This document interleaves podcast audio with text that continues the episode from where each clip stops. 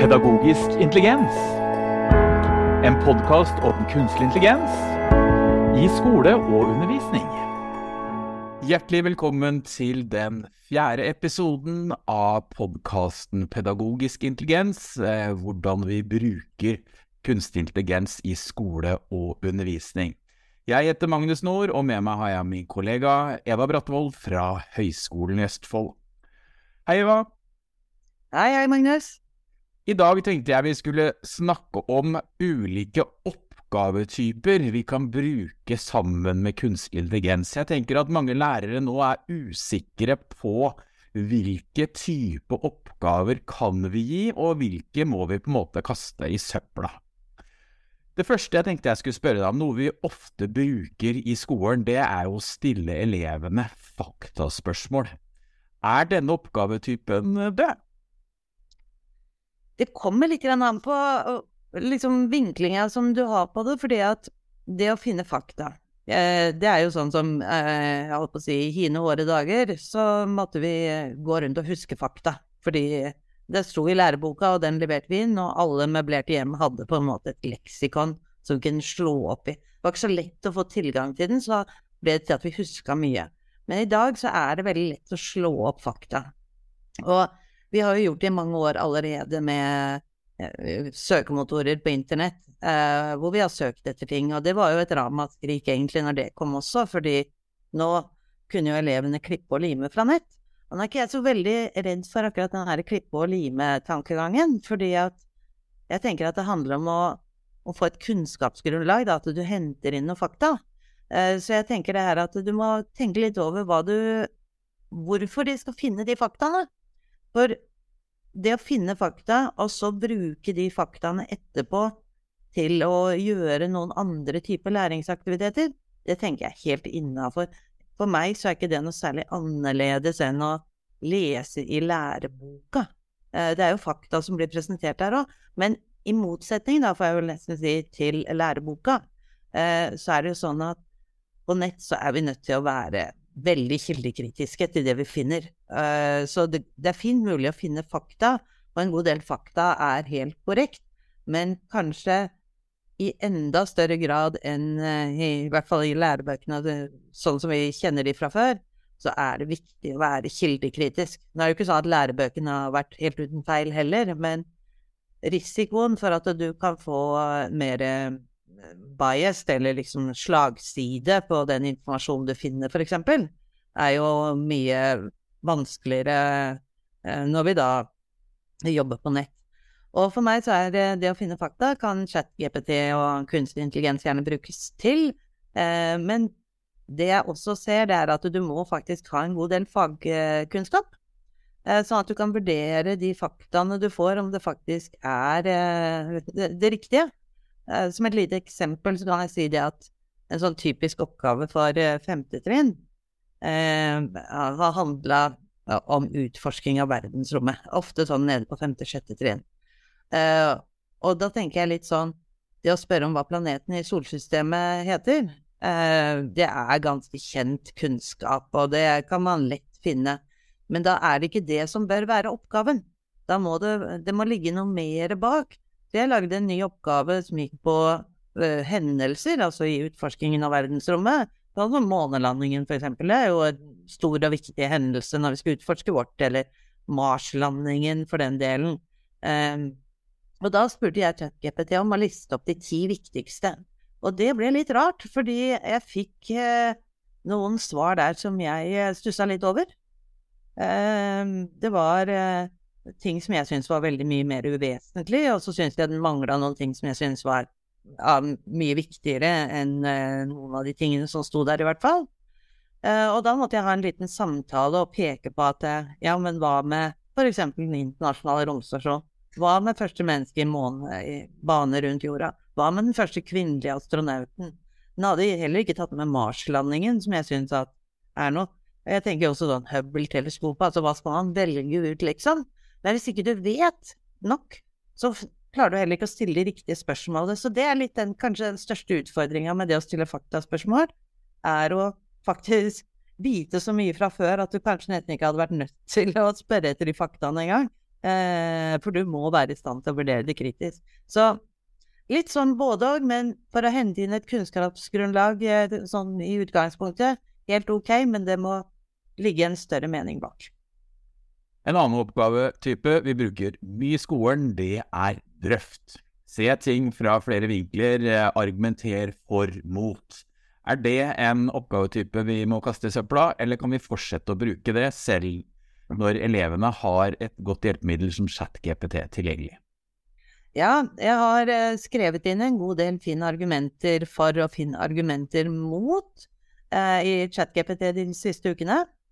Og jeg ser jo det her at eh, på samme måte som dette her med å hente fakta og få et kunnskapsgrunnlag, så, så ser jeg det at det, kan være nyttig i forhold til å få noen ideer om, eh, om type argumentasjon. Eh, det, det, er litt på samme måte som man kanskje ser eh, på, i nyhetsmediene, eh, hvis det er en aktuell sak. Hvor, hvor, man kan på en måte prøve å plukke ut eh, hva er det de som er for sier, hva er det de som er mot sier. Eh, men du får det litt mer samla her, da. Men som et utgangspunkt for hva man skal lete etter, så tenker jeg det er helt ok. Men nok igjen her, da, så bør det jo ikke bare være at man skal finne selve argumentene som bør være oppgaven. Det må henge på noe mer her, tenker jeg. For eksempel at man da velger ut eller vurderer noen av de argumentene som ChatGPT kommer med, og, og liksom si noe sånn Hvorfor synes jeg at dette er det viktigste? Eller hvorfor er jeg uenig eller enig i noe av det som kommer opp? Eh, sånn at eh, det ikke bare blir på en måte en sånn her er argumentene, ferdig levert, og så skal det vurderes. Eh, da bommer man. Noe vi er veldig glad i på MOOC-studiene våre på Høgskolen i Østfold, er jo refleksjonsspørsmål. Altså det vi ønsker å oppnå, er jo at studenter og elever skal reflektere. Men er dette en oppgavetype vi må slutte å gi, for rett og slett at ChatGPT kan gi et fasitsvar som, eh, eller kan vi fortsette å bruke refleksjonsoppgaver? Jeg syns at refleksjonsoppgaver er en fin type oppgave. Uh, men nok igjen så handler det litt om hva, hva, du egentlig ber eh, elevene eller studentene om å levere inn. Eh, fordi at her kan man få til en viss grad noen form for refleksjon. Nå skal vi jo huske det at det, det får ofte litt sånn sideslag basert på hva slags treningsdata rett og slett den kunstige intelligensen har i bakkant. Altså hva, hva baserer den på en måte refleksjonen sin på, som kan være en annen eh, Noe helt annet enn det du gjør sjøl. Men eh, jeg tenker jo det at å tenke litt mer sånne reelle case, eh, og reflektere rundt det eh, og, og, liksom for eksempel sånn som vi gjør i, i MUK-studiene, hvor vi ber dem om å skissere et undervisningsopplegg, og så ber vi dem om å reflektere over de valgene de har tatt underveis. Altså hvorfor har du valgt å ta med dette, hvorfor har du valgt å ta bort dette? Eller å, å snakke om, uh, hvis dette er en oppgave i vurdering, så ville du gjerne spurt om ja, hvor kommer det til syne her at det er vurdering, hvorfor har du valgt akkurat denne vurderingsformen framfor å velge en annen type vurderingsform, for eksempel. Og da begynner det å bli mye vanskeligere eh, å få et eh, ferdig svar med en gang. Da krever det minst at du på en måte har en samtale med den kunstige intelligensen, hvor du ber om å få utdypet eh, eksempel eh, ting. Og da er det jo litt sånn, da, liksom et stort spørsmål som jeg syns ikke blir besvart i noen særlig grad, det er jo hva er hensikten med det her? Jeg tenker jo det at hensikten er å lære og hvis læringa di foregår ved at du har på en måte en fagsamtale med den kunstige intelligensen, eh, er ikke det også læring, selv om den hjelper deg kanskje med å formulere det akkurat i ord? Eh, så, så, så, ligger det jo en læringsprosess i det, og den synes jeg nok kanskje er litt usynlig i denne debatten.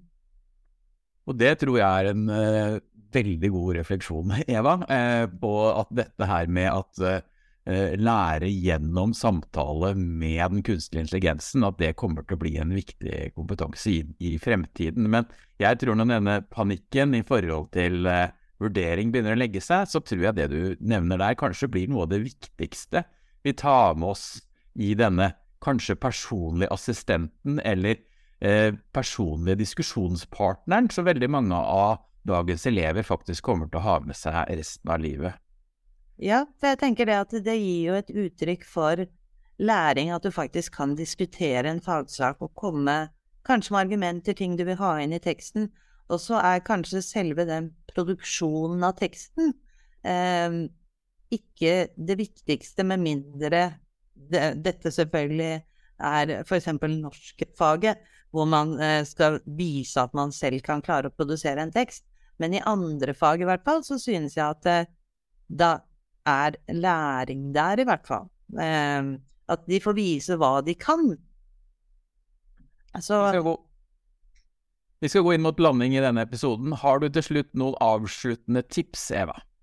Ja, og det hører litt med på det samme. fordi at jeg tenker jo litt sånn at når du får en ferdig tekst, eh, også i norskfaget, tenker jeg, eh, så kanskje man da istedenfor å på en måte be eleven om å skrive en tekst eh, be, eh, som eh, liksom av seg selv, eh, for å vise at man kan liksom disponere en tekst og lage eh, gode avsnitt og overskrifter og, og så videre, så kanskje man heller kunne bedt ChatGPT om å produsere en tekst, og så er oppgaven å analysere denne teksten for å si om hvor god er den, hvor godt treffer den, eh, sånn at de kan øve seg litt fra den andre siden med å gjenkjenne ting, altså at det blir en form for modelleringsaktivitet mer enn at det blir på en måte det du skal At det er selve den teksten som skal leveres inn.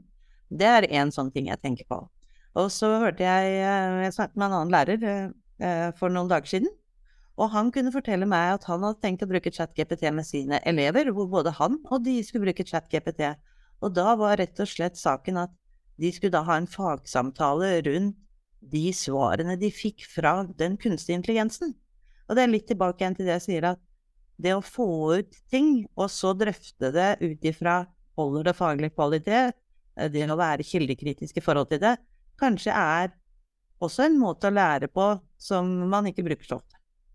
Så det er kanskje de to tingene som eh, jeg vil peke på uh, som tips på slutten. Det siste vi kommer med, det er jo at per dags dato så kan vi jo egentlig ikke slippe elevene ut på ChatGPT av GDPR-hensyn. Det er jo sånn at eh, du må opprette en konto, og du må legge fra deg brukeropplysninger, og det havner i USA, og det har vi ikke lov til å gjøre per dags dato i forhold til GDPR-lovverket. Så da kan vi melde om at uh, det er meldt at uh, denne typen chat-GPT med pluss-pluss-funksjonalitet, det kommer i søkemotoren Bing i mars. Og det er jo på en måte første gangen da elevene endelig får lov til å bruke dette her lovlig, da. Hvis du har, det er jo ikke en del ivrige lærere der ute som har vært ute og hatt, prøvd med elevene allerede, men fra og med mars så kan vi beregne at vi kan lage undervisningsopplegg som du skisserer her, Emma. Ja, og jeg tror at vi bare kommer til å se mer og mer av det. Og så vil jeg jo bare sånn avslutningsvis si at det er jo veldig mange måter man ellers også kan bruke en sånn type tjeneste på. Eh, vi kommer jo med en podkast eh, i forhold til eh, dette å bruke slike tjenester for å få bedre tekster, f.eks. For, for dyslektikere.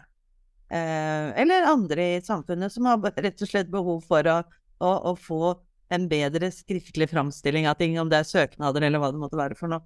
Og så er det jo det her med at eh, du kan jo også effektivisere en del oppgaver. Sånn som vi liksom jobber med digitalisering og automatisering, så er det faktisk mulig å se at eh, det kan eh, være kostnadseffektivt og gi mer tid til undervisning. Men dette er jo ting vi kommer tilbake igjen til i seinere podkaster. Det kommer vi tilbake til i neste episode. Takk for denne gang.